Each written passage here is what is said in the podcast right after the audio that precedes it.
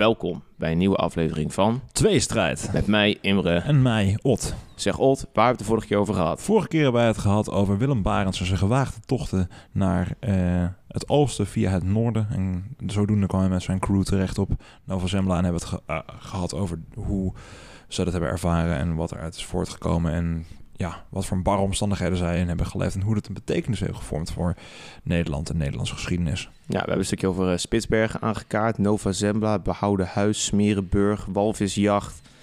Best wel een boel dingen. Ja. Het, eh, ik, ik vind het een interessant stukje Nederlandse geschiedenis. Maar dat de vorige keer in, in de aflevering zeiden we ook meer van dit is een stukje toch een beetje misschien licht onderbelicht. We hebben vaak over de VOC en over Nederlandse boten, maar we vergeten vaak Willem Barends, denk ik. Ja, dat was het prille begin eigenlijk. Nog Ja. voor de VOC, toen het allemaal nog handelsvernootschappen waren. Allemaal start-up companies waren die een Ja. beetje een gewaagde stap wilden maken. Ja, ik vond het een interessante aflevering. hey, maar eh Imre, waar gaan we het deze keer over hebben, Achieve? Ja, ik heb je niet verteld hè, van tevoren. Ik eh, ben benieuwd wat je reactie is. We gaan het hebben over een, over een man Oh, wiens, wiens einde plaatsvond op 29 juli 1890. En zijn laatste woorden waren: Het verdriet zal voor altijd duren. Wie was deze man? Oh. Oef. is dat, is dat een Friedrich Nietzsche? Nee, nee, nee, nee. Eh, Søren Kierkegaard? Nee, het is geen filosoof. Oh, het verdriet zal voor altijd duren.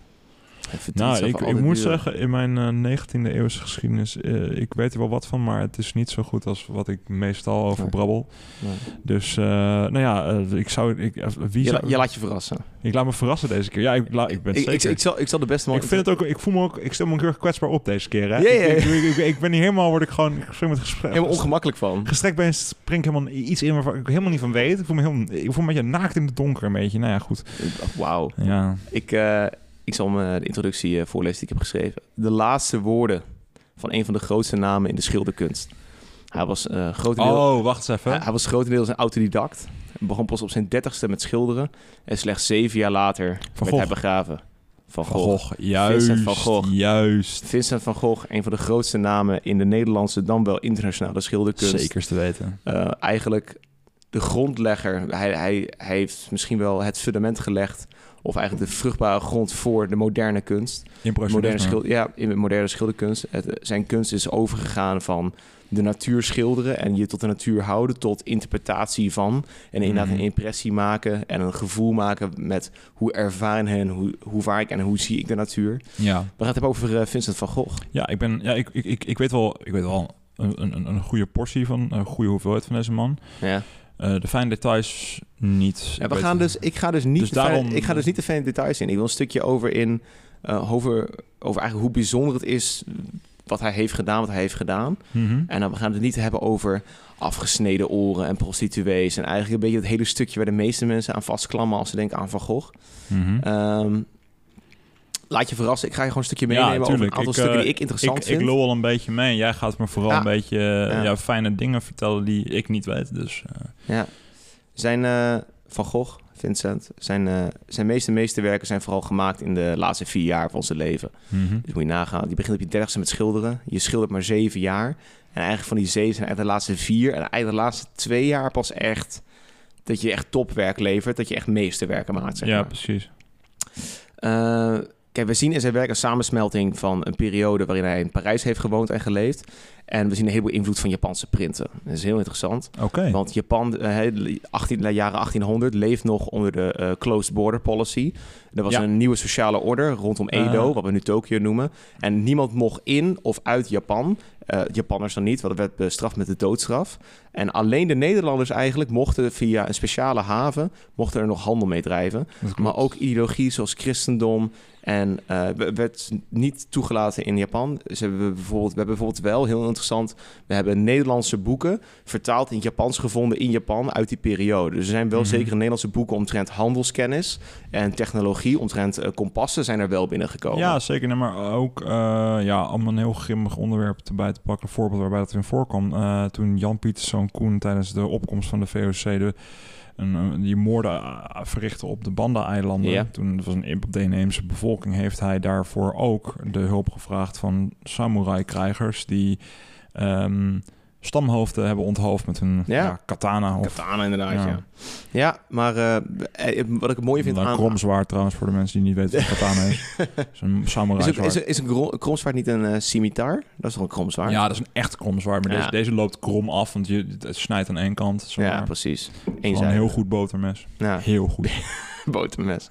Ehm, wat ik interessant vind aan, als ik denk aan 1890, 1850, een boel dingen die ik aanhaal zijn die gestart in, ne- Ja, ik denk 1850. Ik denk dan echt al- altijd aan stoommachines, aan Je denkt nog vrij liberalen. Ja, en je vrij denkt, primitief. je denkt dat er weinig is, maar Er is heel veel eh, ik, natuurlijk. ik ga je erover vertellen, maar er bestaat al een maatschappij, er bestaat al een sociaal-economisch systeem en er bestaat al een beetje een mondiale samenleving. Dat, kan ik, eh, dat, zou, ik- dat, zou ik niet, dat zou ik niet ontkennen. Nou ja, maar ik ga dat proberen te bewijzen volgens ja, het leven tuurlijk, van tuurlijk, van Gogh. tuurlijk. In zijn woning in Antwerpen, daar heeft hij ook een tijdje gewoond. Ik ga niet de hele lijst af waar hij allemaal heeft gewoond en welke ziekenhuis die heeft gezeten, want dan zitten we hier morgen nog. Nee. Op een bepaald komt hij in Antwerpen terecht, heeft hij een appartementje.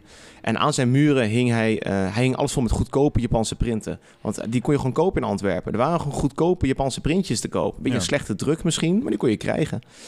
En op die Japanse printen ehm, zien we abstractie. En we zien het spelen met kleuren en vloeiende vormen. En die deden iets met Vincent. En, zijn er voorbeelden die daar eh, die heel erg sprekend zijn voor de, die Eh, stijl? ik, ik kom er zo meteen op eentje, en één belangrijke, maar gewoon een heleboel. eh, ik ga niet de hele Japanse printkunst van die tijd uitleggen. nee, nee. Maar schilderkunst was voor alleen voor de nobelen en voor de elite in Japan. Maar goedkope printjes, dus etsen als het ware, die met Ja. gekleur, wel met meerdere lagen kleur, die waren over de prijs van een kom rijst. Dus je kon Ja. kiezen of een maaltijd kopen of een printje kopen. En printjes en kunst waren zelfs in de laagste sociale economische statusklasse van Japan in de jaren 1800 nog wat. Dat waren de markthandelaren. Daar was het gewoon normaal dat jij een paar kunstwerkjes thuis Mhm. had hangen. Want dan kon je over praten en er waren gesprekspunten. Ehm, maar goed, Japanse eh, kunst en zijn tijd in Parijs hebben hem gemaakt tot wie hij is. Die tijd in Parijs, ongeveer zo'n twee jaar, hebben hem sociaal uitgeput. Hij begon depressief te worden en uiteindelijk heeft hij zich vrijwillig laten opnemen in een gesticht in eh, Saint-Rémy. Dat ligt in de buurt van Marseille. Mhm. En hier was zijn eigen zeggen niet helemaal te spreken over, maar hij werd netjes behandeld. Hij kreeg drie maaltijden per dag en hij werd voor hem een eigen atelier ingericht. En dus een terugkerend iets in het leven van Vincent, zijn broer Theo. Zijn broer Theo had ervoor gezorgd dat hij in een klein klooster in Saint-Rémy, een klein eh gekkenhuis, letterlijk, asylum, werd Ja. opgenomen. Want het initiële idee was dat hij naar een groot gesticht in Marseille ging met meer dan duizenden patiënten. En daar was Theo van mening van ja, maar hij, er is iets mis met Vincent, maar hij moet niet in een gekkenhuis, gekkenhuis gaan zitten, want dan wordt hij echt gek. Dus er was genoeg geld betaald. Eh, Theo is eigenlijk de geldschieter van Vincents hele leven geweest. De beste man heeft nooit zelf een eigen eh, eerlijke stuiver verdiend. Nee, hij was heel erg sociaal en, sociaal en financieel afhankelijk van zijn broer Theo. En Theo zorgde ervoor dat in Saint- Saint-Rémy ook een brief werd geschreven van geef hem een atelier, dan kan hij zichzelf daar vermaken. En dan gaat het eigenlijk best wel goed met hem. was, hij, was hij depressief? Eh, Vincent zeker, maar er zijn, Ja, een boel, Vincent bedoel ik. Was hij er zijn een boel dingen mis geweest met Vincent. En eh, we kunnen wel moderne psychoanalyse erop loslaten. Maar dan alsnog wordt het een beetje, eh, een beetje gokken wat de beste man had. Theo weten we weinig over. Ehm, ja, tenminste wel een boel uit de correspondentie die hij had met Vincent. Maar we weten Mhm. niet eh, helemaal hoe het leven van Theo eruit zag. Ja. Uh, maar in dat eigen atelier in Saint-Rémy, uh, hier maakt hij zijn meeste schilderijen in een jaar tijd. Uh, meer dan hij in Parijs had weten te produceren. Maar hier had hij last van zijn ziekte. En ik ga het zijn ziekte noemen. Want het werd beschreven als epilepsie, voornamelijk. Dat hij daar last van zou hebben. ja. Voor epilepsie hoor je niet in een gekkenhuis terecht te komen. Mhm. Maar eh, hij had last van depressie, somberheid, kwam in periodes. ja, dat gaat wel hand in hand met... Ja. ja. Het zou ook kunnen. En epilepsie kan ook best wel. Ik, ik, ik heb geen verstand van de, wetenschap, de, de medische wetenschap rond, rondom 1880, 1890. Nee. Als iemand om zich heen begint te slaan en te trillen, dan kunnen mensen ook denken: ja, die is gek. Die is gewoon gek. Hangt vanaf waar je Hangt bent vanaf. opge- opgegroeid. Ja. Ja. Maar eh, ook in dit klooster waar hij goed werd behandeld en waar hij het eigenlijk wel oké had, hield hij soms wekenlang last eh, eh, van zijn ziekte. Hij was in een waas van hallucinatie, epilepsie en zelfbeschadiging. Dat hij gewoon eigenlijk alsnog wekenlang van de kaart af kon zijn. Mhm. Maar ondanks dat heeft hij heel veel kunnen maken. En dat vind ik wel goed om te benoemen. Mensen zien heel vaak in Vincent van Gogh de ultieme, de ultieme leidende kunstenaar. Snijdt zijn oor, eigen oor eraf, zou het een prostituee hebben gegeven, wordt, gaat hij is hallucineren van de een van de absint. bekendere daarin ja, maar hij- ik, ik wil, hij, hij is geen leidende artiest. Hij heeft dingen gemaakt ondanks zijn ziekte, niet door zijn ziekte. Nee, Hij- maar dat zie je ook. Het is niet, En is moderne kunstenaars hebben dat wel vaker. Dan zie je dat mensen zeg maar, Ja. in hun eigen hersenkronkels en zieke geest... daardoor gaan ze dingen maken. Ja. Vincent van Gogh is andersom. Die man die was bezig zichzelf op de rails te houden... maar lang genoeg om weer een schilderij af te kunnen maken. Nee, het is niet als een... Het is geen, het is geen punker of zo. Het is geen Kurt Cobain. Het is geen Kurt Cobain. Het is geen emo. Het is een, Nee. Het is een echt een guy die, eh, die juist heel erg... Dat is trouwens wel een leuk iets als mensen... Ja, dat is net zoals met mensen die bijvoorbeeld... eh, je hebt van die raw art of hoe heet het? Outsider art. Ja, Kijk, outsider nou, nou, art. is, nou is Vincent van Gogh niet per se iemand die echt... Echt mentally challenged was, maar er, was wel, er waren wel heel veel Hooggeleerde jongen. er was wel, er waren wel obstructies in zijn eh, heldere denken. Dat zou Absoluut, ik eerder kunnen ja. zeggen. Maar er zijn ja, met, met outsider art is het echt dat mensen met een ja, echt wel wat meer. eh, Een nieuw perspectief, een Ja. outside perspective kunnen denken. ja, die, die, nee, maar die dus ook gewoon een heel andere soort van eh, manier van denken. Omdat ze ja, challenged zijn daarin. Bijvoorbeeld. Die gaan een art maken. Klassiek voorbeeld. Nou ja, dat is niet per se een outsider, maar het is iemand die dus demonteert en iedere keer een zelfportret van zichzelf Oh ja, die ken ik. Ja, die is ziek. Dat, dat hebben mensen denk ik wel meerdere keren gezien. Als je het niet kent, zoek het maar gewoon op in het Engels van iemand, ja, de dude die zichzelf schildert en zelfportret maakt naarmate zijn eh, Alzheimer toeneemt. Ja. En dan zie je eigenlijk dat eh, mensen een, dan zie je dan heb je een inzage in wat mensen hun perceptie is en hoe dat Ja. afneemt. En dat, men, dat heel veel dingen die wij als eh, ja, helder denkende mensen, quote unquote helder, Ja. ehm, ehm, voor lief nemen en, en vanzelfsprekend zijn, die zullen, zijn helemaal niet vanzelfsprekend voor iemand die daar mee te kampen heeft. En ik denk Nee. dat ja, Vincent van Gogh misschien wel onder outsider art, maar ja, niet niet. In zijn, in zijn tijd zou je kunnen doen dat hij misschien zou onder kunnen vallen. Maar dan loop ik Ja. wel een beetje vanuit de Zou- feiten. Maar Zou je kunnen zeggen dat het een coping mechanism was voor om te dealen met zijn shit? Nou, eigenlijk wel, maar daar kom ik later op terug. Want eigenlijk zijn zekere latere stijl van schilderen heeft ook te maken met zijn, eh, zijn strijd met religie onder andere. Oké. Ja, Ja, interessant. dat is, dat is Ik- ook een ding. ik ga geen hele biografie geven van eh, de beste man, maar eh, de vader van Vincent eh, van Gogh was een, was een prediker in Nune. Nou ja. Het was Nu Bra- een, nu een? Ja, Nuenen. Ja, Nuenen, ja. Nuenen. Ehm, Hij komt Dus zelf uit Zundert, zie ik. Zundert, Brabandert. Oké, ja. Ja, klopt. En uiteindelijk zijn ze van zijn ouders nog naar, naar Leen of zo, of naar, naar, Etten verhuisd. Maar een irrelevant feitje vind ik. Mhm. Ehm, hij was enorm productief in het, in het, in het klooster in Saint-Rémy. En wat wel blijkt is dat die absentie van het drukke stadsleven van Parijs heeft Vincent goed gedaan. Er, waren gewoon, er was minder alcohol in het spel. Nee, het is Frankrijk, dus je dronk alsnog wijn bij het avondeten. ja. Maar het was niet het dagenlang in de kroeg geslijten. Eh, tijdens zijn studieperiode heeft Van Gogh zeg maar, ook een heel... ehm, wel een beetje dat leidende kunstenaar leven geleefd. Zeg maar, als in, hij heeft een derde van zijn tanden laten trekken omdat ze verrot waren. Hij Ja. at bijna niet. Hij dronk eigenlijk alleen maar. Hij rookte zoveel dat hij mondsferen dan overhield. Zeg maar, dus toen heeft hij wel naar de knoppen geholpen. En nu komt hij in een, in, in, een- in een environment, in een omgeving terecht met minder vrouwen, minder liefde, minder druk van de kunstwereld, minder druk op exposities. Hij was afgezonderd en geïsoleerd in een omgeving waar hij zich vrijwillig heeft laten opnemen. En hij ook zijn medepatiënten, hij was eh, volgens de onderzoekers die waren langskomen de meest eh, bijzinnige van iedereen in dat gekke huis. Dus hij was de scherpste en eigenlijk de gezondste, ja. zowel fysiek als mentaal. En, maar hij noemde alsnog alle patiënten om zich heen zijn, eh, zijn kameraden in lijden, als het ware. Ze waren allemaal leidend. En maar Van Gogh had zijn eigen manier, om, misschien als copingmechanisme, om daarmee om te gaan. Oké, maar ehm, lijden, dat is natuurlijk, ja, dat is een woord met een vrij negatieve Nou, lading voor on- de gewone ongeluk luisteraar. Of, ongeluk of lijden, zo kun je het een beetje zien. Zeg maar, Ja. Iedereen bevond zich in een ongelukkige situatie. ja, precies, nadelig. ja, Eh, nadelige ja, gewoon situatie. Niet, en daar waren ze kameraden ze in. konden niet optimaal functioneren. Nee, ja, dat is een hele goede manier Ja. om tegenaan te kijken, denk ik. Ja, Maar eh, jij noemde net over de Japanse prins, hè? ja Dus, ik was eh, heel ken- erg ken- benieuwd. Ken, Ah, jij dat schilderij met die grote golf? Jazeker, ja, ja, ja. ja, weet, je, we- weet je de kunstenaar toevallig? Het is niet Banzai. Tsumaki. Nee. nee. Ook niet. Nee, ook niet sushi. Ja. Hakusai. Haku- Hakusai. Hakusai. The ja, Great Wave of eh, Kamigawa. De grote golf ja, aan de kunst van ja, oké, Kamigawa. Ja, oh ja. De, die, eh, die, die komt uit 1850, zoals ik net al noemde. 1850 is een mooi jaar erin. ja En die heeft teken. Vincent van Gogh gewoon gezien. Hij was gefascineerd door de Japanse kunst. Hij naar exposities geweest in Antwerpen met Japanse kunst. Ehm, dus hij was nog geïnspireerd over die vloeiende golf. Die golf die je daar ziet, die met die stromende lijnen Ja. als het ware...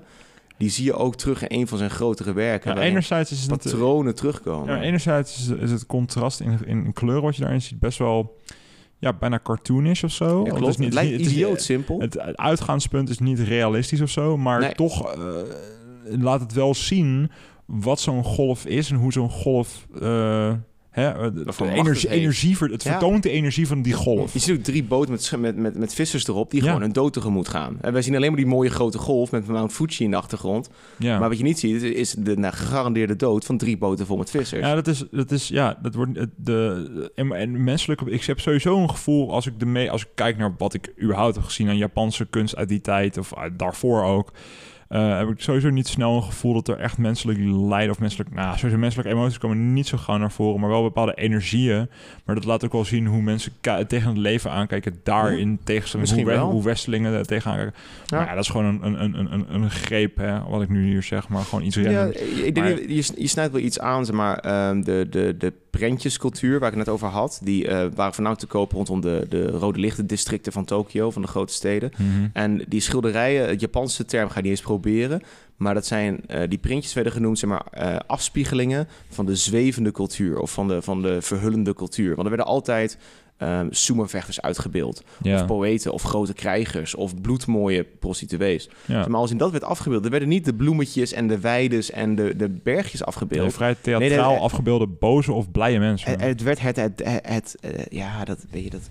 De, het- de, ja, hoe noem je dat? Ja, het zout der aarde, dat werd afgebeeld. Dat wat het leven smaak geeft, dat werd afgebeeld. Niet, niet de lulletjes, Ja. roze vaten en de blije bijtjes en een kooikarpetje. Nee, dat, dat voegde voor de meeste Japanners geen drol toe. Dus Maar, maar, de- maar de prostituees en, en de, de sumo-vechters en de, de mensen van het Kibuki-theater... dat waren de mensen die ze wel ik kenden. vind het wel grappig, want... eh, En ze werden eh, gespaard, net zoals Pokémon-kaarten. En dat is geen grap. Mensen Nee, spaarden nee. Het was een constante influx en constante demand voor meer van dat soort printjes. Snap ik wel. Ja, ik vind het wel grappig dat hij dat juist zo interessant vond. Want hij heeft wel heel erg van die een beetje... Nou ja, hij heeft niet heel erg bijgedragen aan eh, stromingen als realisme. Maar hij heeft wel van die vrijwel... ehm, ja, gewoon eentonige tekeningen gemaakt van mensen die eh, het land aan het spitten zijn. Ja. Eh, en dat is heel erg. Dat, dat is, helemaal, niet, dat is Japanse- helemaal niet sensationeel. Nee, maar dat komt vanuit de Japanse invloed ook. Eh, ook Ja. eh, dat, dat dit zo simplistische schilderijen zijn. Want Vincent was een groot fan van onder andere Hakusai. Het donkere palet van bijvoorbeeld de aardappeleters. Dat is een schilderij van Vincent Ja. van Gogh... waar je mensen echt, dan voor je gevoel... in een kelder bij, bij een olielampje stel aardappelen ziet eten... Dat zie je, dat donkere palet met alleen maar grijs en bruin dat zien we niet terug in zijn latere werk. Dat is alleen Nee. maar veel geel, dat was veel de blauw. donkere periode, heet dat toch?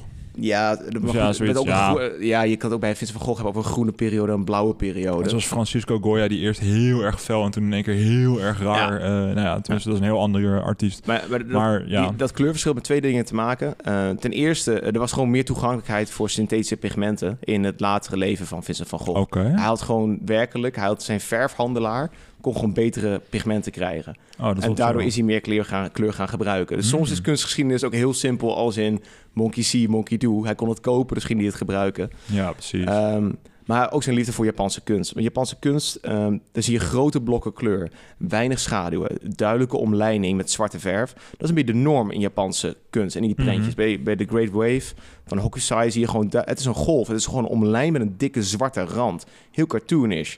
En dat vond Vincent Ja. van Gogh juist zo inspirerend, want hij had daarvoor alleen maar realistisch geprobeerd te maken. En dat verkocht niet prima. Vincent van Gogh was geen kunstenaar-kunstenaar. Hij wou gewoon ook een dikke boterham verdienen. Ja. Hij wil ook gewoon centjes verdienen. En het is niet en waar... natuurlijk de- een norm doorbreken waarschijnlijk. Want als je, als, je, als je shit niet verkoopt, dan is het of niet interessant... of het, of het wordt al te veel gedaan. Ja, we, we zien dat dus een, een- in het einde van het leven is het lastig, want hij heeft eigenlijk altijd zijn best gedaan om de beste schilder mogelijk te zijn en daarmee ook degene die best verkoopt. Vincent van Gogh is echt wel erkend geweest in zijn tijd. Ehm, zeker na maar het einde van zijn leven. Mhm. En dat heeft hij waarschijnlijk te weinig ervaren en zichzelf daardoor van het leven beroofd. Tenminste, dat- zo kun je dat stellen, denk ik. Ehm, maar hij was niet op zoek naar dat nieuwe niche. Op een bepaald moment is hij gewoon gaan, gaan maken. En is hij afgestapt van het realisme wat verkocht... naar een schilderkunst die he- voor hem betekenisvol was. En daar Mhm. komen we op. Ehm, eigenlijk hoe Van Gogh is gaan spelen met kleur en eh, met vormen... is zijn werkelijke vocabulaire geworden. Want hij is, gaan, hij is begonnen met dialogen vertellen...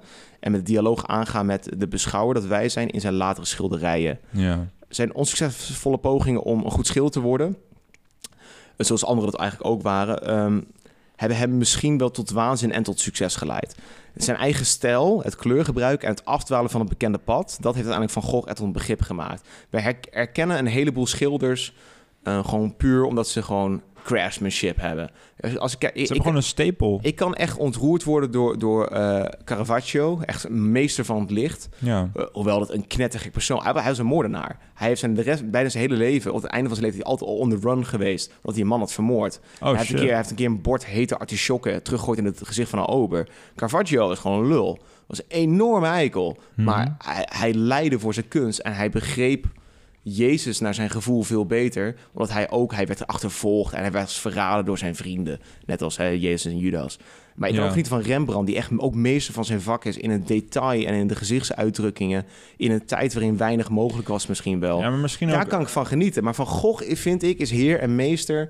En tot een begrip geworden omdat hij is gaan zoeken naar... gewild of ongewild is afgedwaald van het bekende schilderspad. Ja, eh, ja, ik weet niet. Ja, precies. We weten die intentie natuurlijk niet 100% Nee, dat zeker. hebben we, we kunnen een paar gokken plegen. Nee, precies. Nee, ik snap je heel goed. Want deze man, die, als je er kijkt naar werken van hem... zoals het portret van Père Tanguy uit eh 1887. Is dat degene met al die eh, Japanse prins op de Ja, achtergrond? precies, ook? al die vakken. Maar ja, je, je nagaan. Hij schildert een portret van een man in zijn eigen woonkamer in Antwerpen.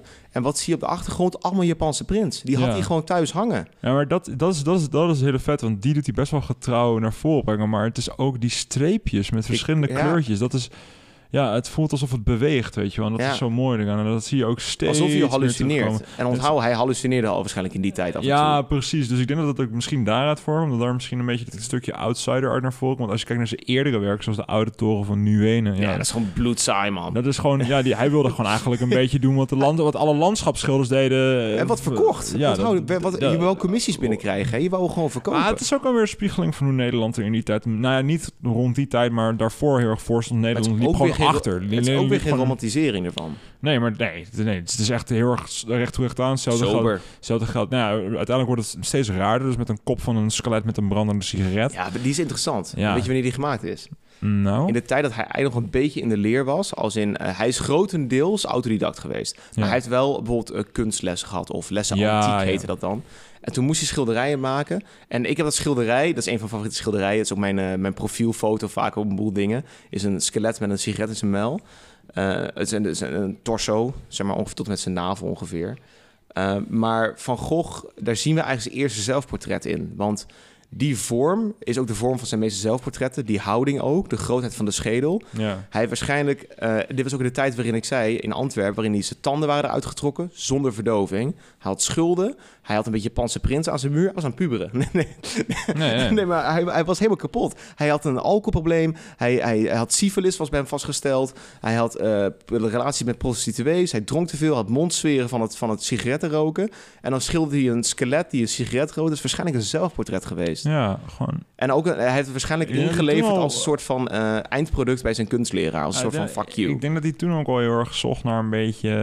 eh, wel, ja, hij maakt hier dus wel een zelfportret.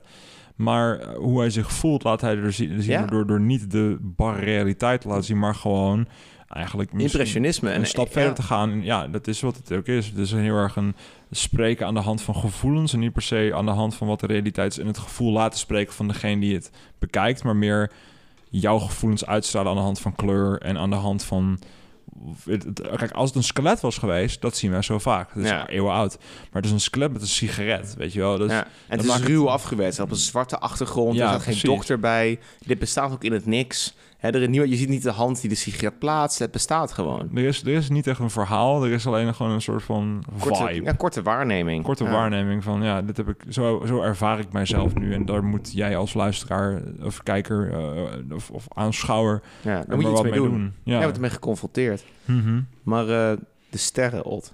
Kijk je daar wel eens naar? Niet meer, vaak ja, niet echt meer. We hebben vroeger veel gedaan. Eh, vroeger veel gedaan. Toen je dat vroeger deed, wat, wat deed dat met je? ja, het, het, eh, het, als je in het echt in het barre donker staat, dan dan doet het wel iets met je. Ja, in de stad dan zie je het niet zo gauw. Misschien dat ik daarom ja, ook niet zo vaak lichtvervuiling. Maar Mhm. word je dan zeg maar, spontaan geloof in het animisme? Of? Nee, ik vind het wel gewoon, ja, het, het spreekt, maar het is niet zozeer dat het spreekt op een spirituele manier, maar het is wel mooi, weet je wel. Het doet wel iets met je. zeg Ja, het is, het, het, het, het- ze twinkelen een beetje. De, de- je- de ene is daar dichterbij, de andere is groter. Het heeft wel een soort van organisch gebeuren. Het, het voltrekt zich heel erg organisch.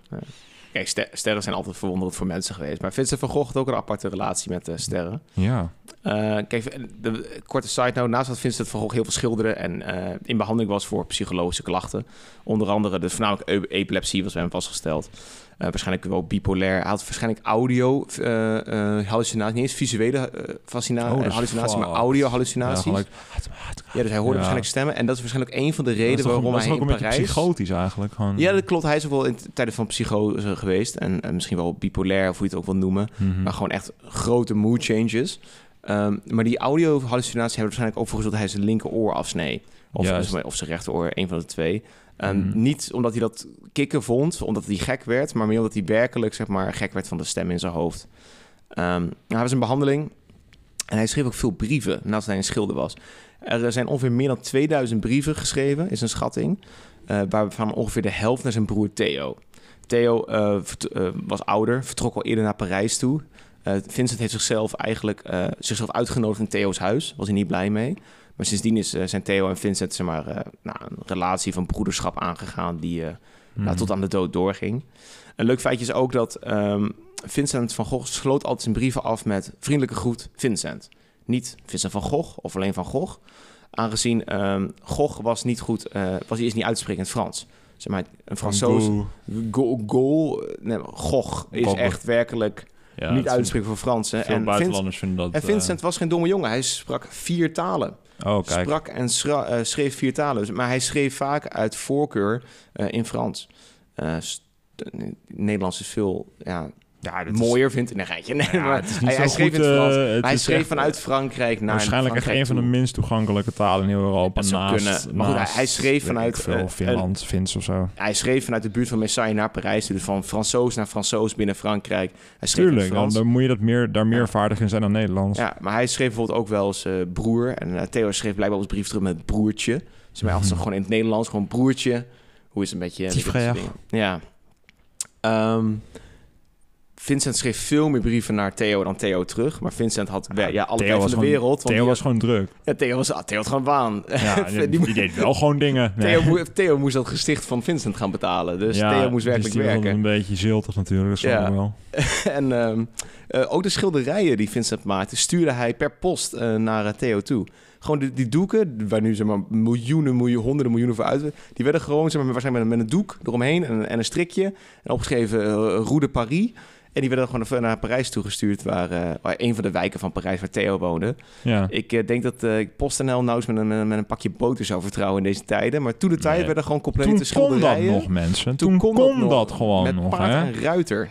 Met paard, ruiter, trekschuit, Trekschuit. weet ik veel. ja. Dat kon allemaal gewoon. een heel, heel doek sturen naar je broer. Ah, dan give a damn als je genoeg geld hebt. Fuck it. En, en Theo die nam ook een beetje zijn kunst in, in waarborg. Die zorgde ervoor dat het bij de juiste adressen terecht kwam als het besteld werd of Mhm. gekocht werd of een expositie kwam. Ehm, en daar moest ik echt, daar moest ik echt voor gezorgd worden. Dat, Ja, nee, absoluut. Ja, ja, ja. Zeker, zeker, zeker. ehm, maar die sterren, waar ik het net over had, die, eh, die Ja. deden ook wel met Vincent. Hij zag ze s'avonds, uh, vanuit zijn atelier waarschijnlijk. Uh, maar s'avonds kun je niet schilderen. Dat kan, een, een, zeg maar, nee, dat zie een je boel schilderijen worden, zijn wel, weerspiegelen wel een, een, een nachttafereel. Maar die kun je niet bij nachtlicht maken. Dat moet je s'nachts doen. Hmm. En nu is het mooie... Doen bedoel je. Ja, sorry. ja, ja. Maar nu is het mooi, nu gaan we dat impressionisme in. Want jij ziet s'nachts een tafereel, dan maak je een ruwe schets van. Dan word je 's ochtends wakker, dan met een ander brein. Dan maak je nog een wandelingetje langs het terrein. Dan ga je opnieuw achter je ezel zitten en dan ga je het schilderen. En dan komt artistieke interpretatie. Want het realisme is weg, want de nacht is weg en de sterren staan anders. Ja. Dus je gaat nooit met hetzelfde tafereel Je gaat puur op jouw emotie en, en- je, je, je bent zelf ook een... En dan ga je denken, hoe zie ik de nacht? En hoe zie ik de sterren staan? Ja, dat, ja en precies. dan, dan komen we aan bij ehm, wat de studie van de sterrenhemel wordt genoemd. Ehm, S'avonds in zijn atelier zag hij eh, in Saint-Rémy, vanuit zijn nou ja, geforceerde atelier ook wel, hè, laten we dat erbij zetten. Ja, dat is niet helemaal vrij. eh, voor eh, vrijwillig. Ja, hij zag daar ehm, bepaalde nou ja. In zijn brieven zien we tekeningen, kleine voorbodes van zijn werk terug. Die Mhm. stuurde hij naar zijn broer Theo. Dan maakt hij kleine kriebeltjes met... Ik ben van plan, beste Theo, ik ben van plan dit te gaan schilderen. Wat vind je ervan? En dan gaf hij met pen en inkt heel gauw aan, een soort ruwe schets. Mhm. In iets meer dan een jaar, gedurende zware episodes van psychose en ziekte, maakte in Vincent ongeveer 187 eh olieverfstukken.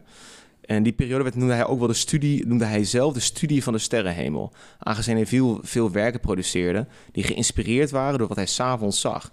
Je hebt bijvoorbeeld de, de sterrennacht, maar je hebt ook voor mij de sterrennacht over de Rhône. Ik weet niet hoe het uitspreekt. Met zo'n dakje boven de O- Rhône, Rijn. eh, Rijn, in het ja, Frans volgens mij. Of zo. Ik heb geen... eh, Maar hij heeft meerdere eh, schilderstukken en meerdere als het ware ehm, proefschilderijen gemaakt voordat hij eh, de Sterrennacht maakte.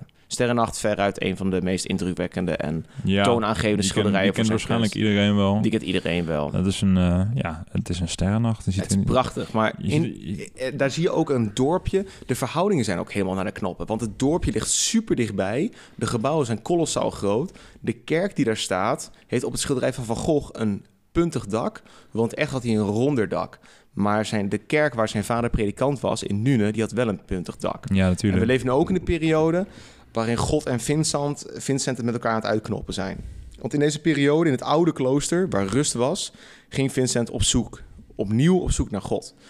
Wat niet gek was, want hij was de zoon van een prediker. En in de jaren twintig is hij zelf eh, jeugdpredikant geweest bij een zondagschool. Dus hij komt wel uit Mhm. gelovige bodem. En dat heeft hij ook wel een lange tijd volgehouden.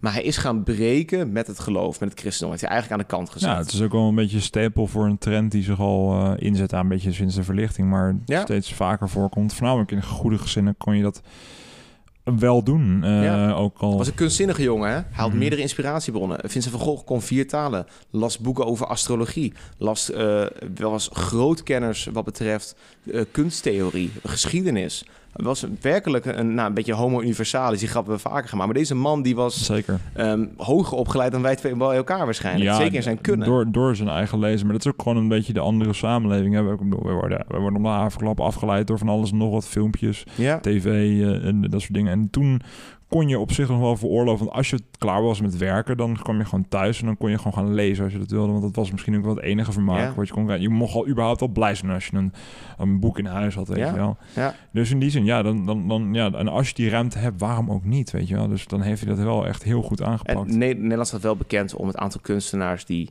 Juist kunstenaars die afwijken van het geloof... terwijl ze juist christelijke schilderijen maken. Zeg maar, of die breken met het geloof. ja, want ja. ze worden ze in opgevoed. En, dat, en in dat cultuurstelsel leven ze wel. Maar er iets mee doen... Mwah, ik verdien er mijn brood mee en het zal allemaal wel. Ja, precies. Ehm, maar Vincent bleef... ehm, hij was op zoek naar God in de tijd dat hij ook de sterrennacht schilderde. Mhm. Maar Vincent bleef afstand doen van zijn geloof, zoals hij dat eerder had gedaan. En de- in de brieven lezen we wel dat wanneer Vincent behoefte heeft aan religie, dit schrijft hij een paar jaar voor de sterrennacht, dat hij sterren schildert. Hij zei, als ik behoefte heb aan, als ik dat geloof woord mag gebruiken, geloof, dan schilder ik de sterren. Ja. Nou, als we al die informatie bij elkaar hebben, Japanse kunst, eh, hallucinaties, eh, je moet, bent geforceerd om de nacht te schilderen overdag. Ja. Terwijl je eigenlijk je inspiratie op half weg is. Dat gecombineerd met de strijd van God. eh, misschien wel De strijd, de strijd met, met, de geloof. ziekte. Strijd met de ziekte. Strijd met... ehm eh, de, S'nachts hoorde hij mensen om zich heen schreeuwen ook. Oh. Hij kon ook geen goede nachtrust krijgen. Hij was... Hij was meer mens van de nacht aan het worden. Ja, misschien wel, maar hij, hij was enorm in een gigantische tweestrijd. ehm, Hey. met- in zijn eigen leven. Dat hij uiteindelijk maar de sterrennacht geschilderd. En een boel mensen proberen, en dat doe ik ook, zien graag in de sterrennacht een, een meesterwerk op een meesterwerk op een meesterwerk. Want ik zie daarin de kerk van zijn vader. Die ligt in een donkere vallei met sterren erboven. Eh, de sterren die je ziet zijn semi-accuraat. Venus, die je op het schilderij ziet, dat is de meest ster die onderaan bij het dorp staat. Eh, voor Ja. als je, lieve luisteraar, als je nu niet achter de, in de auto zit of op de fiets zit, pak je mobiel erbij, zoek de sterrennacht op. Dan zie je een grote boom, een eh, cyprus, een boom heet Ja, het lijkt op een soort van klodder van gras Ja. die omhoog gaat. Ja, precies. Maar dat is een boom eh, die heel dicht bij hem stond. Dus er, er zit wel diepte in. Maar daarnaast Ja. zie je een, een, een ster staan. Dat is Venus. Maar Venus was op de dag dat hij dit schilderde.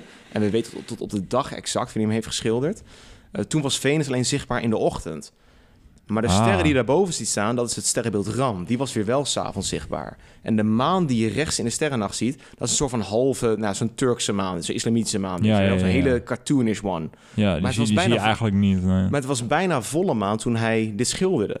Dus het mooie is, hij heeft waarschijnlijk dagenlang of nachtenlang het overpeinst. En nachtenlang nachten geobserveerd. En al die nachten samengefuseerd tot één ultieme nacht. Waarin hij misschien in een waas heeft verkeerd. En één schilderwerk van, van zich af heeft geschilderd, zeg maar. Ja. Die moest er even uit. Ja. En dat zien we bij de sterrennacht, zie ik en een boel mensen terug. Je ziet ook in de ronde contour rondom de sterren heen, al die tinten blauw. Het is ook gewoon Daar, inderdaad... daar zie je likken, likken verf met de golven van de grote golf van Hakusai bijna. Ja, zeker. Dat die inspiratie die kun je daar niet los van maken. Nee, zeker. Er is ook een hele lichte stroom. Dat is waarschijnlijk nog een soort van de is- zon die ondergaat. Nee, dat is de, de, de ochtendnevel bijna. Dat is de Oh, nevel die, ja. die op begint te komen op het eind. Maar hoe kan er nou al nevel zijn terwijl de nacht nog in volle stalen is? Ja, maar het is? ja. Het is een ervaring van de nacht. En dat is eigenlijk, of vind ik het zelf, de zin om het te omschrijven. En dat is ook de stapel, een stapel voor impressionisme. het gaat want niet om wat het echt nee, is. het is niet meer realisme. Dit is, eh, dit is zeg maar het, de ervaring van een nacht. En niet de nacht op 18 december 2007. Nee, het is in één keer... Voor mij heeft het geschilderd in... eh voor mij iets van eh, acht- eh, 18 juni 1888 ongeveer. Maar dat weten we ook door... eh, hij is- 1889 zie ik. Maar, maar Oh, niet dat is die tijd 1889. inderdaad. Gewoon eind 19e eeuw. Ehm, maar hij heeft aan zijn broer Theo geschreven... Ik heb, ben vandaag begonnen aan dit schilderij. Dus we weten wanneer hij het gemaakt heeft. Zo. We weten hoe de sterren stonden. En dat was niet zoals hij het schilderde. Dat is ook wel prettig aan een recentere geschiedenis natuurlijk. Precies. Dat je gewoon weet hoe, ja, die, daarom. hoe nauwkeurig zo'n leven verloopt. Hoe, hoe, Ja. voor stap iemand neemt. Dat kun je natuurlijk veel beter traceren in dat soort ja, recentere bronnen. Ja, en ehm Vincent van Gogh heeft eh 1889 eh, gaat hij weg uit Saint-Rémy.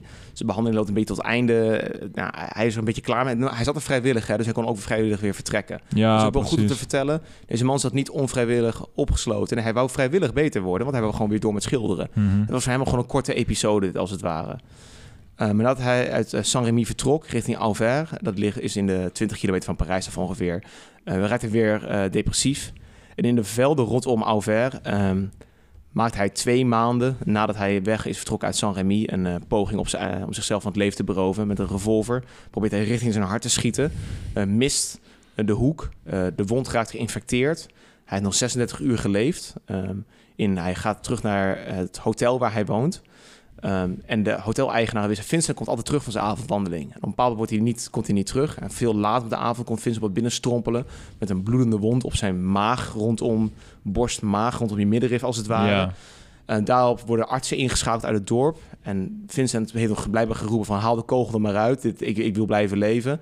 Maar de artsen durfden niet een inwendige chirurgie onder te gaan. Want eh, dat, dat zagen ze niet zitten. Dat bloedde heel veel. En dan zijn we de wond maar gaan stelpen. Het is niet zo makkelijk als nu. Nee, en ja, dat, makkelijk. dat gebeurt op 27 juli. Op 28 juli in de ochtend wordt er een telegram uitgestuurd... of een brief of een ruiter naar Parijs om Theo te gaan halen. Theo die gaat als sodemieter eh, gaat hij naar Auvers toe. Mhm. En daar heeft hij nog naast zijn broer Vincent kunnen zitten op zijn sterfbed. En in een brief aan Theo schreef Vincent, al een paar jaar daarvoor... Waarom, vraag ik me af, zouden de stralende stippen in de lucht... niet net zo makkelijk te bereiken zijn als de zwarte stippen op de kaart van Frankrijk? Net zoals we de trein naar Tarascon of Rouen nemen... gebruiken we de dood om naar de sterren te reizen.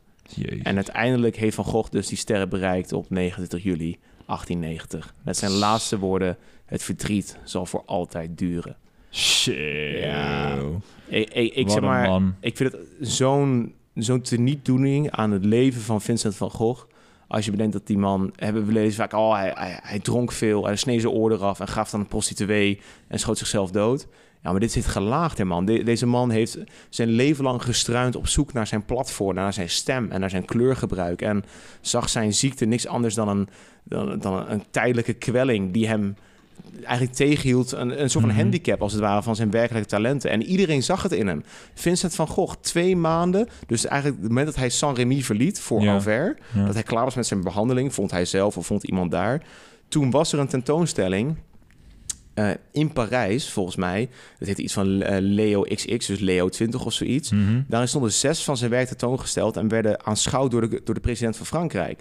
Hij was al een, best wel een fenomeen rondom zijn peers, rondom andere kunstenaars. Ja. Hij had- oh hij- shit. Kunstenaarsvrienden zochten hem op in Saint-Rémy. Daar dronk hij wijn mee, daar at hij brood mee. Hij mocht op vrije voeten reizen. En dan kwam hij gewoon voor het einde van de week weer terug naar zijn eh, asylum, naar zijn gesticht, zeg maar. Mhm.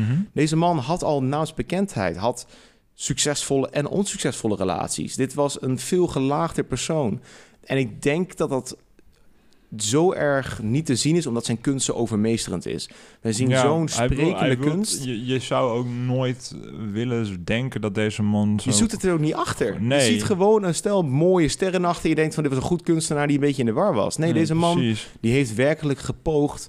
ehm, en dat vind, ik, dat vind ik het mooi aan hem. Hij heeft geprobeerd, denk ik, een godservaring en een soort van dialoog met interpretatie en emotie en hoe de wereld werkelijk is. Een beetje bijna de Plato en de grot, zeg maar.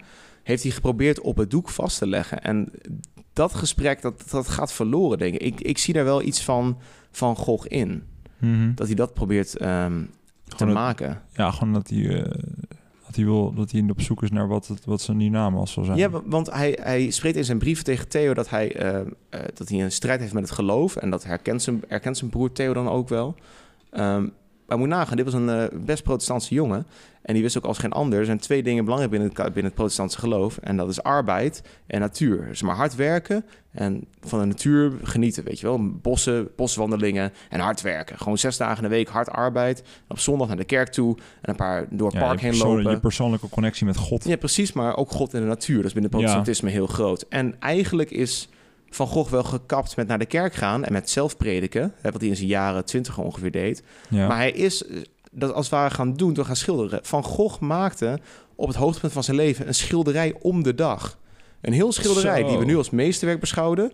Beschouwen, die maakte hij om de dag hij, eentje af. Had hij daar niet ook gewoon de tijd voor? En, eh, Nee, ja, het is ook hij, drive. probeerde dat, hij probeerde dat in Parijs ook. Alleen daarmee werkte hij zichzelf bijna een burn-out PTSD in. Maar zou dat ook door overprikkeling komen, kunnen Misschien, komen? misschien. Het, het stadsleven is misschien nog niet voor hem ik kan me, ja, ik, ik ben, ik zeg niet dat ik van Gogh ben, maar ja, ik kom zelf ook gewoon van de. Nee, zeker niet, zeker niet.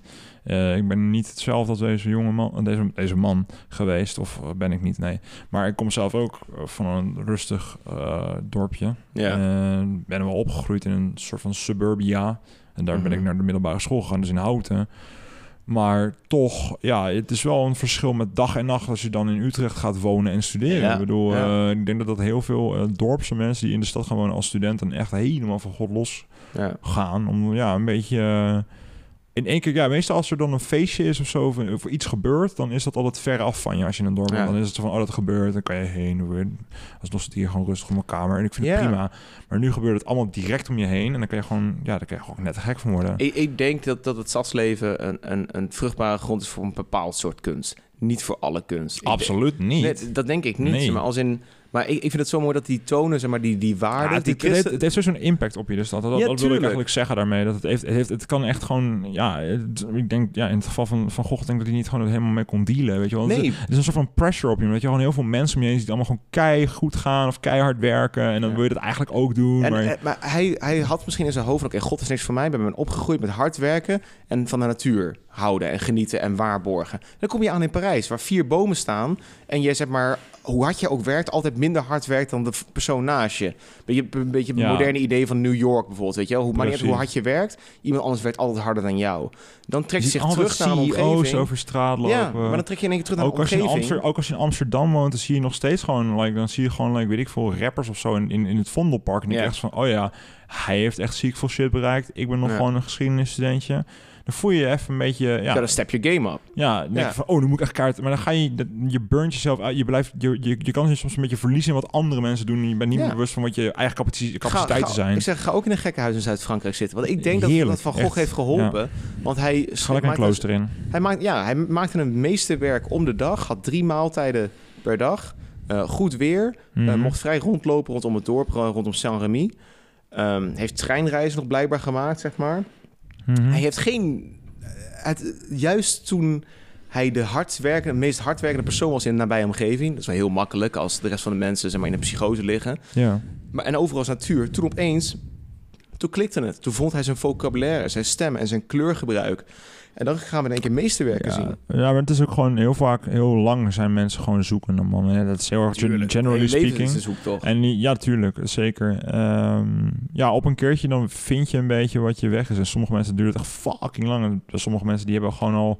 Sommige mensen ja, komen nooit. Ja, ik ken, ik ken ja, ook. En ik ken ook gewoon mensen die op de middelbare wisten... ik ga dokter worden. En die zijn nu dokter geworden. Ja. En die gaan, weet ik veel, eh, hun laatste kooschappen lopen in ken ook Amerika. een boel of zo, die- VS. Ik van zo, je hebt gewoon precies gedaan wat ze deden. En dan denk je van, hebben ze het dan beter? Nou ja, weet niet, weet je wel. Is- misschien is het ook wel saai als je alles al weet. Ja, misschien. Ik ken ook een boel losers die prima terecht zijn gekomen... terwijl eigenlijk dat niet de bedoeling was. Ja, en tegenslagen zijn er ook gewoon om van te leren, weet je wel. Ja, dat nu dwalen we misschien wel af van het hoofdpunt, maar het is wel een mooie les die je eruit kan leren. Ja, is En ik, zo. weet, ik weet niet of hij ervan geleerd heeft, maar het heeft hem zeker wel wat met hem gedaan.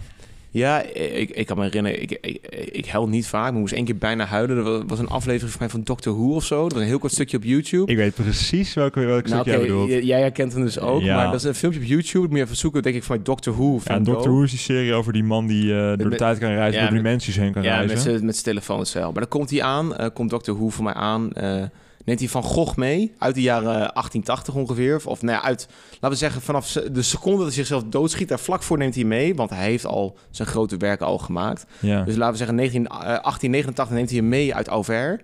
eh, na Saint-Rémy. Mhm. Neemt hij mee naar het, naar het MoMA. Waar momenteel eh, nog steeds, en al sinds eh, van mij 1929 of zo, eh, hangt daar al de Sterrennacht. ja. En daar is een Iedereen- rondleiding, daar is een rondleiding bezig van een schooldocent met een stel kinderen. En jongeren en weet ik veel wat. En daarmee pakt Dr. Who, die, pakt, die tikt iemand aan, die, die schoolleider zeg maar, of die curator van het museum, zegt van... "Eh, Wat vind je van eh, Van Gogh? Eh, en Van Gogh staat er met zijn rieten hoed en zijn rode baard, staat hij mee Ja, te die, die, luisteren. mag niet, die mag niet opvallen dan. nee, je mag niet opvallen Dus inderdaad. de dokter Who zegt tegen Van Gogh van... joh, ga even verderop staan ja. en luister even wat deze man over jou te zeggen heeft. Ik ga het nu even aan, je, aan hem Met vragen. één oor, hè, oor Ja, één, uur natuurlijk, Ja. ja. En Hij zegt zo van, ja, wat vind je van Van Gogh? Hij zei van, ja, veruit me- meester van de kunst.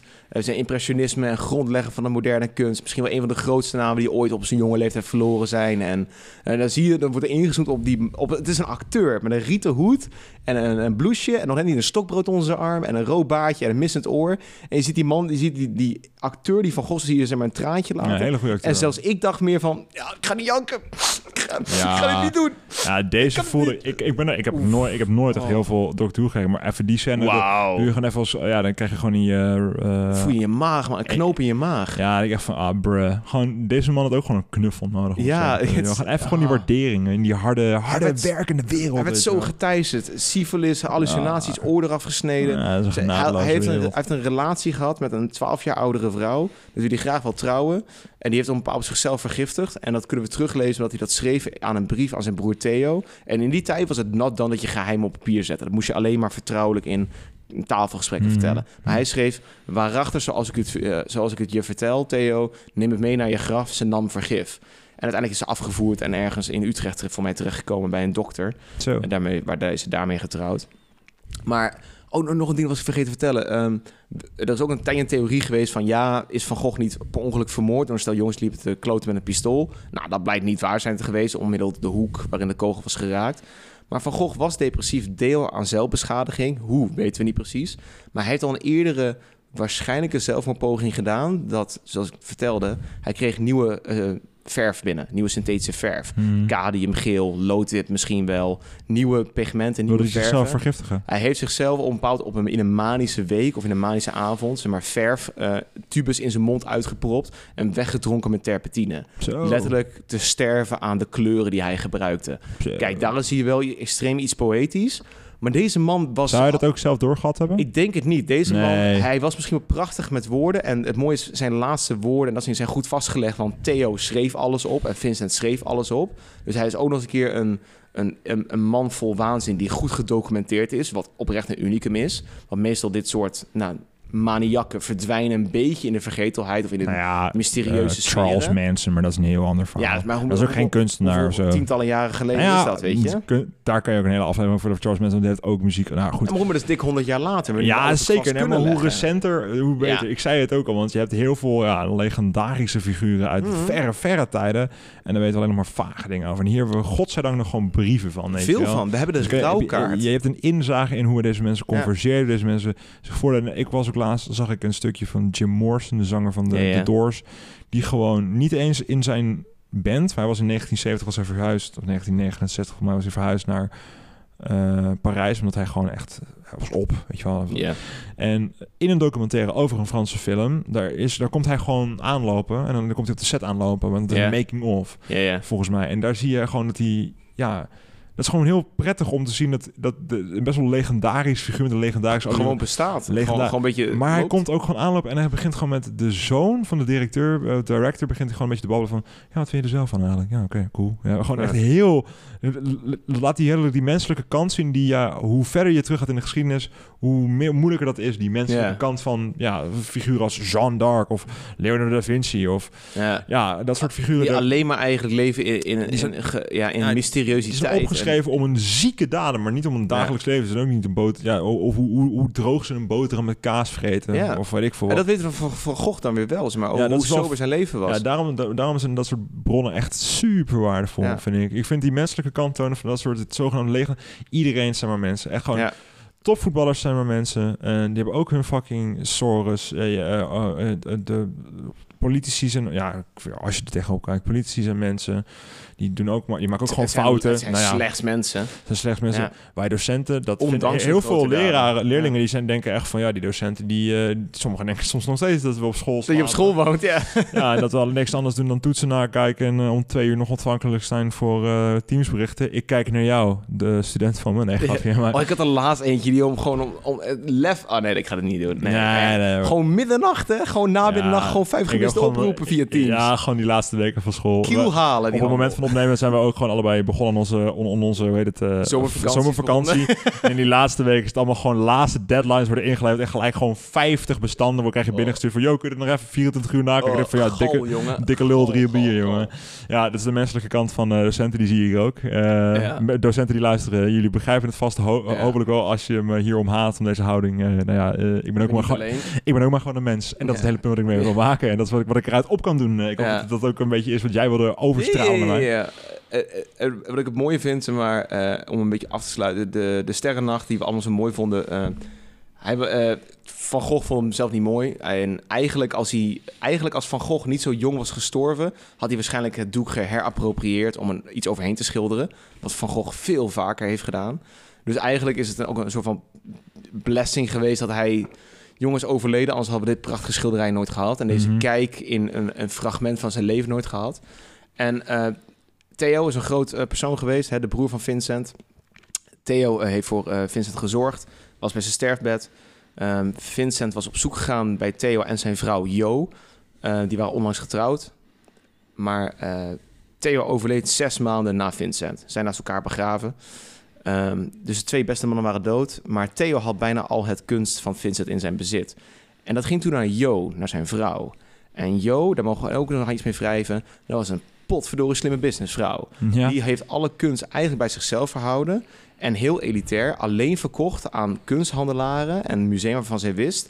Daar wordt het tentoongesteld of wordt het werkelijk ingezien hoe waardevol dit is. Dat is niet, dat, En- dat is niet ja. eens elitair. Dat is gewoon, dat is gewoon iemand met een- Brilliant business. Ja, is, is het business. Want maar ze- deze ze, wil, vrouw- ze wil dat het wel gewoon, hè, dat het vereeuwigd wordt. Niet Ja. like verpatst Nee, voor... eh, en dat voor het ook een eer wordt behouden. En in 1929 Precies. verkoopt zij de dat is sterrennacht uit mijn Dat is hoofd. gewoon heel aan- erg principieel, denk ik. Meer. Ja, misschien. En hoewel zij Vincent maar heel kort gekend heeft, maar misschien wel Vincent heeft meegemaakt door de interactie die ze met haar man Theo had. Want Theo kreeg alle brieven binnen waarin Vincent zichzelf en het leven ver- eh, verachtte, zeg maar. Dus daarin is misschien ook gaan hechten aan Vincent. Mhm. Maar in, in 1929 verkoopt eh, Jo, eh, puntje puntje van Gogh, verkoopt de Sterrennacht aan een Rotterdamse kunsthandelaar. Die het vervolgens verkoopt aan het MoMA aan New York in 1945, 46 uit mijn hoofd. En dat was de eerste Van Gogh ooit in een Amerikaanse kunstgalerie.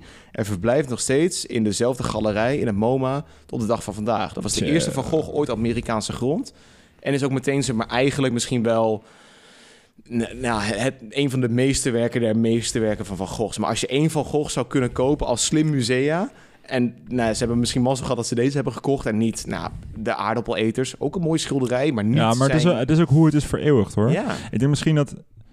Ja, misschien is het ook omdat een Amerikaans museum met MoMA het echt heel erg goed heeft weten vereeuwigen. Want ik weet niet of het op dat moment zelf al zo legendarisch was, maar het is misschien... jawel. nee, maar, nee, maar, nee, ja. maar, nee, maar het is ook... Ik denk dat het ook zo'n... platform is, heeft zeker geholpen. Kan- Natuurlijk, maar kan niet ik, denk ook zeker dat, dat het ook echt een toevalligheid is dat misschien die is uitgelicht gaan worden. Misschien, want het is hoe net hoe zo'n kunstwerk oud wordt, weet je wel. Tuurlijk, dat is zo. De- Dat, hebben we gelijk. Hoe een kunstwerk verjaart. dat, is echt een serie van toevalligheden en hoe mensen tegenaan kijken en hoe mensen het ver, ja, toch wel verkopen en toch wel prijzen. Maar goed, stel impressionisme en moderne kunst was zich nooit ontwikkeld richting de sfeer met, met het, eh, eh, hoe noem je dat ook weer? Nou, Van Gogh maakte gebruik waarin hij propte gewoon verf uit de tube, gewoon direct op het doek. En gewoon met, met, met, een- met een botermes gaf hij gewoon een racht eraan. Dacht hij, mooi, het is af, mooi streepje. Lekker dik, duurt een jaar om te drogen, want het is olieverf, weet je wel. Ja, man. Maar dat vind ik mooi. Maar dat zijn we later, zijn veel kunstenaars dat gaan gebruiken, die techniek. Impressato of imperfecto, weet ik hoe het heet, imprezzo.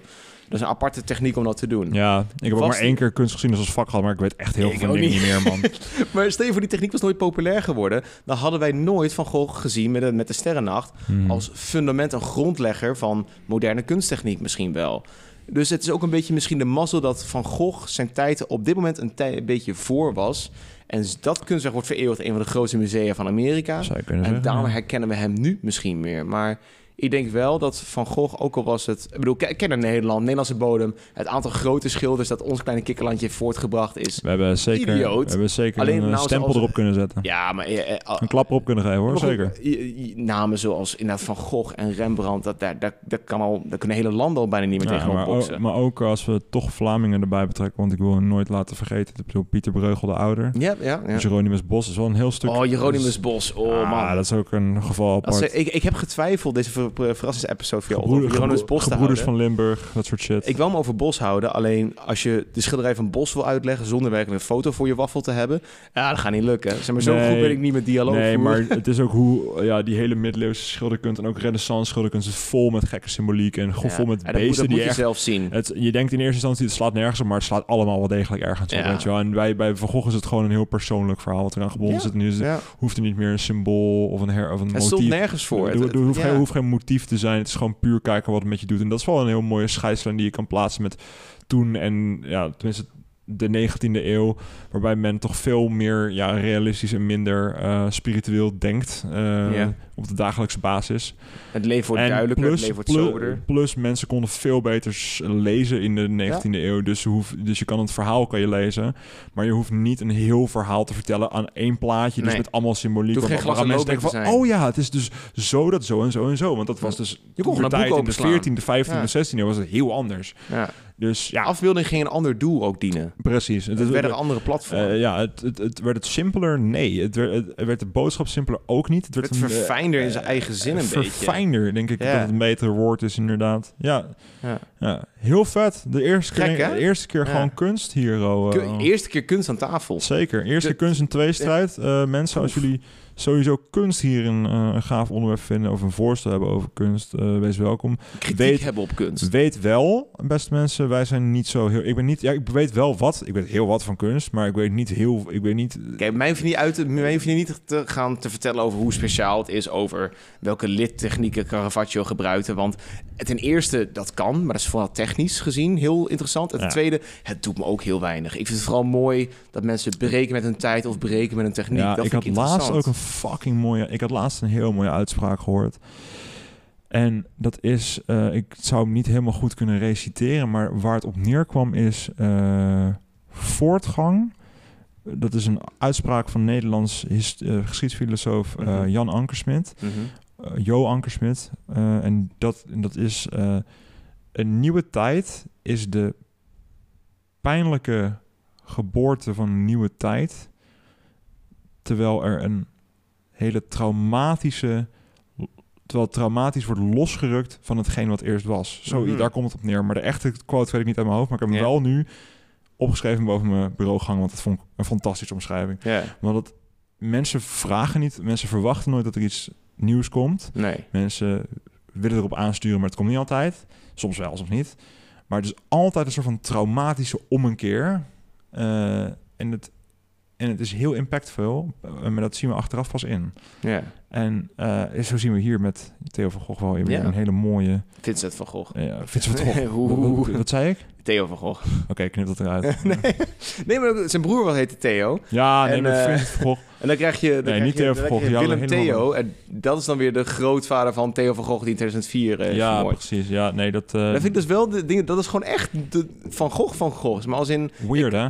Eh, be- best wel. Zeg maar als in hoe je Ja. na gewoon een paar generaties leven met je doet. Dat je van Vincent van Gogh naar Theo van Gogh gaat. Zo zie, je dat, maar. zo zie je dat eigenlijk families nooit voorbestemd zijn om een grote familie te zijn. Absoluut niet waar. Iedereen kan fouten Absoluut, maken. ja, Iedereen kan 100%. lelijk doen. Ja, het kan Eh, allemaal fout ja, aflopen. nu, klink ik, nu, komen we, nu zijn we toch wel enigszins een politieke mening aan het uiten. Maar ja, nee, nee, nee, nee. Maar het wij ding zijn is... alle- maar- ik, ben, maar- ik ben niet zo het- van Kijk maar van kunstenaarsleven Maar wel zijn. van Vincent van Vincent van Gogh die, die raakt in een, een audio-hallucinatie, snijdt zijn eigen oor eraf en belandt uiteindelijk in het zuiden van Frankrijk, waar hij probeert een dialoog met God op te zoeken volgens schilderkunst en berooft zichzelf met een schot door net niet het hart heen in een, eh, in een mooie veld in de buurt van Parijs. En een ander soort kunstenaar zijn eigen zin, met film en met uh, Het is columns schrijven, kunstenaar. die wordt doodgestoken omtrent vanwege zijn kunst. Voor mij in Den Haag in 2004 met, met, een, met een soort van eh, manifesto op zijn borst vastgepind. Ja, dat, zijn was een, twee, eh, het zijn twee, of een Was brief. het niet een klimaatactivist? Nee, nee, dat, Nee, dat- nee, dat, dat was was Fortuyn. Dat, dat was Dat was Fortuyn. Ja, je had al door Ah, ken, ken- ken je bekende Nederlanders? Ja, zeker. Zeker. Eén familie, twee soorten kunstenaars op twee verschillende soorten een afschuwelijk einde Mhm. ten onder gegaan. Ja, Het, het is een tweestrijd. het is altijd een Het is tweestrijd. een tweestrijd. En of, je, Ehm, of, of het goed is of slecht is, dat kunt u altijd zelf dat uitmaken. mag je lekker zelf Ik geef soms mijn mening eventjes door neus en lippen door. We doen 100% objectief kunnen wij niet zijn hier. Oh. Oh, mij is Ehm, wel echt een troll wezen. En Nee, ja, ik, ik- we, we hebben altijd de afspraak gehouden, we gaan nooit super politiek worden Nee, want dat is gewoon niet leuk. Dat is niet leuk. En een grapje over HKU kan erin. Een grapje Ja, over de is PVV gewoon, het is kan gewoon een stom knipoogje, maar iedereen, iedereen die We, we luistert... willen ook niet te contemporary zijn. Hè? We Nee, maar nee, maar het is ook gewoon, we willen ook gewoon natuurlijk met de tijd meegaan. En het is ook gewoon eh, iedereen die luistert. Jullie, het, feit dat jullie, het feit dat jullie luistert, is luisteren en de moeite hebben genomen tot hier te komen, vind ik. Nou, dat is waardeer ik ten top.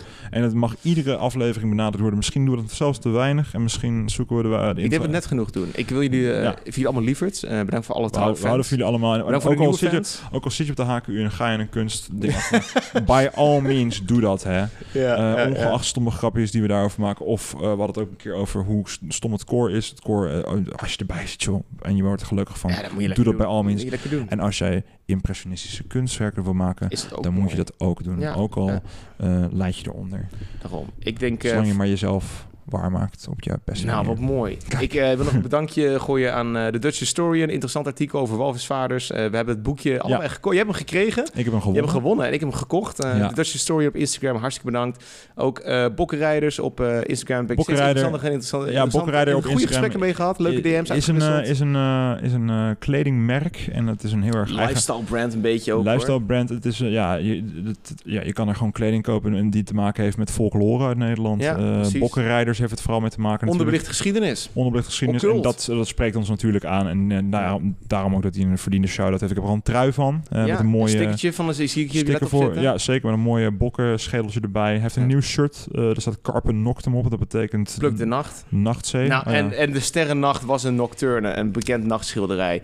De, de ezelsbruggetjes en Ja, ze stoppen niet. Alles is één, man. Alles is één. Eén ding is zeker, en dat is deze aflevering, levering, aflevering 18 over Van Gogh uh, is Sloes. En uh, we zien elkaar weer bij aflevering 19, waar Ot mij gaat verrassen met een onderwerp waar ik, ik weet niet waar je het over gaat hebben. En Dat dan we gaan dan we naar aflevering 20 en dat wordt een speciale seizoensafsluiter. Maar zover is het nog niet. Dit was aflevering 18 en hartelijk bedankt. Tot kijk. Tot ziens.